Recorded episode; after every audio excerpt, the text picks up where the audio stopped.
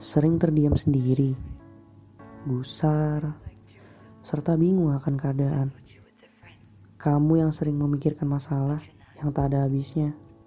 Kamu yang selalu mencari cara mengatasi masalah yang bertubi-tubi datang.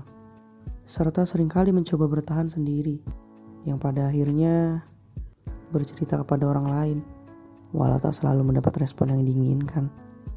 Kamu yang selalu percaya akan kata-kata, besok akan baik-baik saja.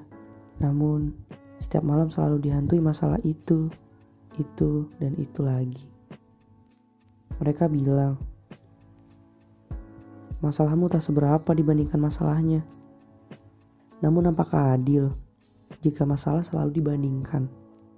Bukankah setiap orang punya takaran masing-masing dalam menyikapi masalah?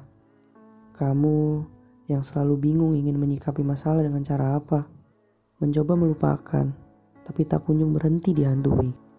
Kamu yang selalu merasa sendiri, merasa apa yang kamu lakukan sia-sia.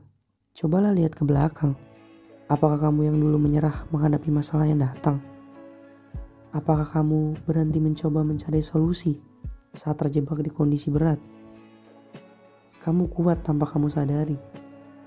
Kamu tak pernah menyerah hingga titik sekarang. Walaupun kamu menghadapi masalah yang berat, tapi pada akhirnya dengan usaha keras kamu berhasil melewatinya. Kamu harus bisa melihat sisi positif dalam dirimu. Kamu yang merasa rapuh, lemah, tapi ternyata kuat menghadapi semuanya. Apresiasilah kemajuanmu karena kamulah yang mengerti batasan dirimu. Jangan terlalu terbawa suasana buruk yang ada dalam pikiranmu. Semua akan bisa dihadapi jikalau kamu percaya pada hatimu. Selamat malam semua.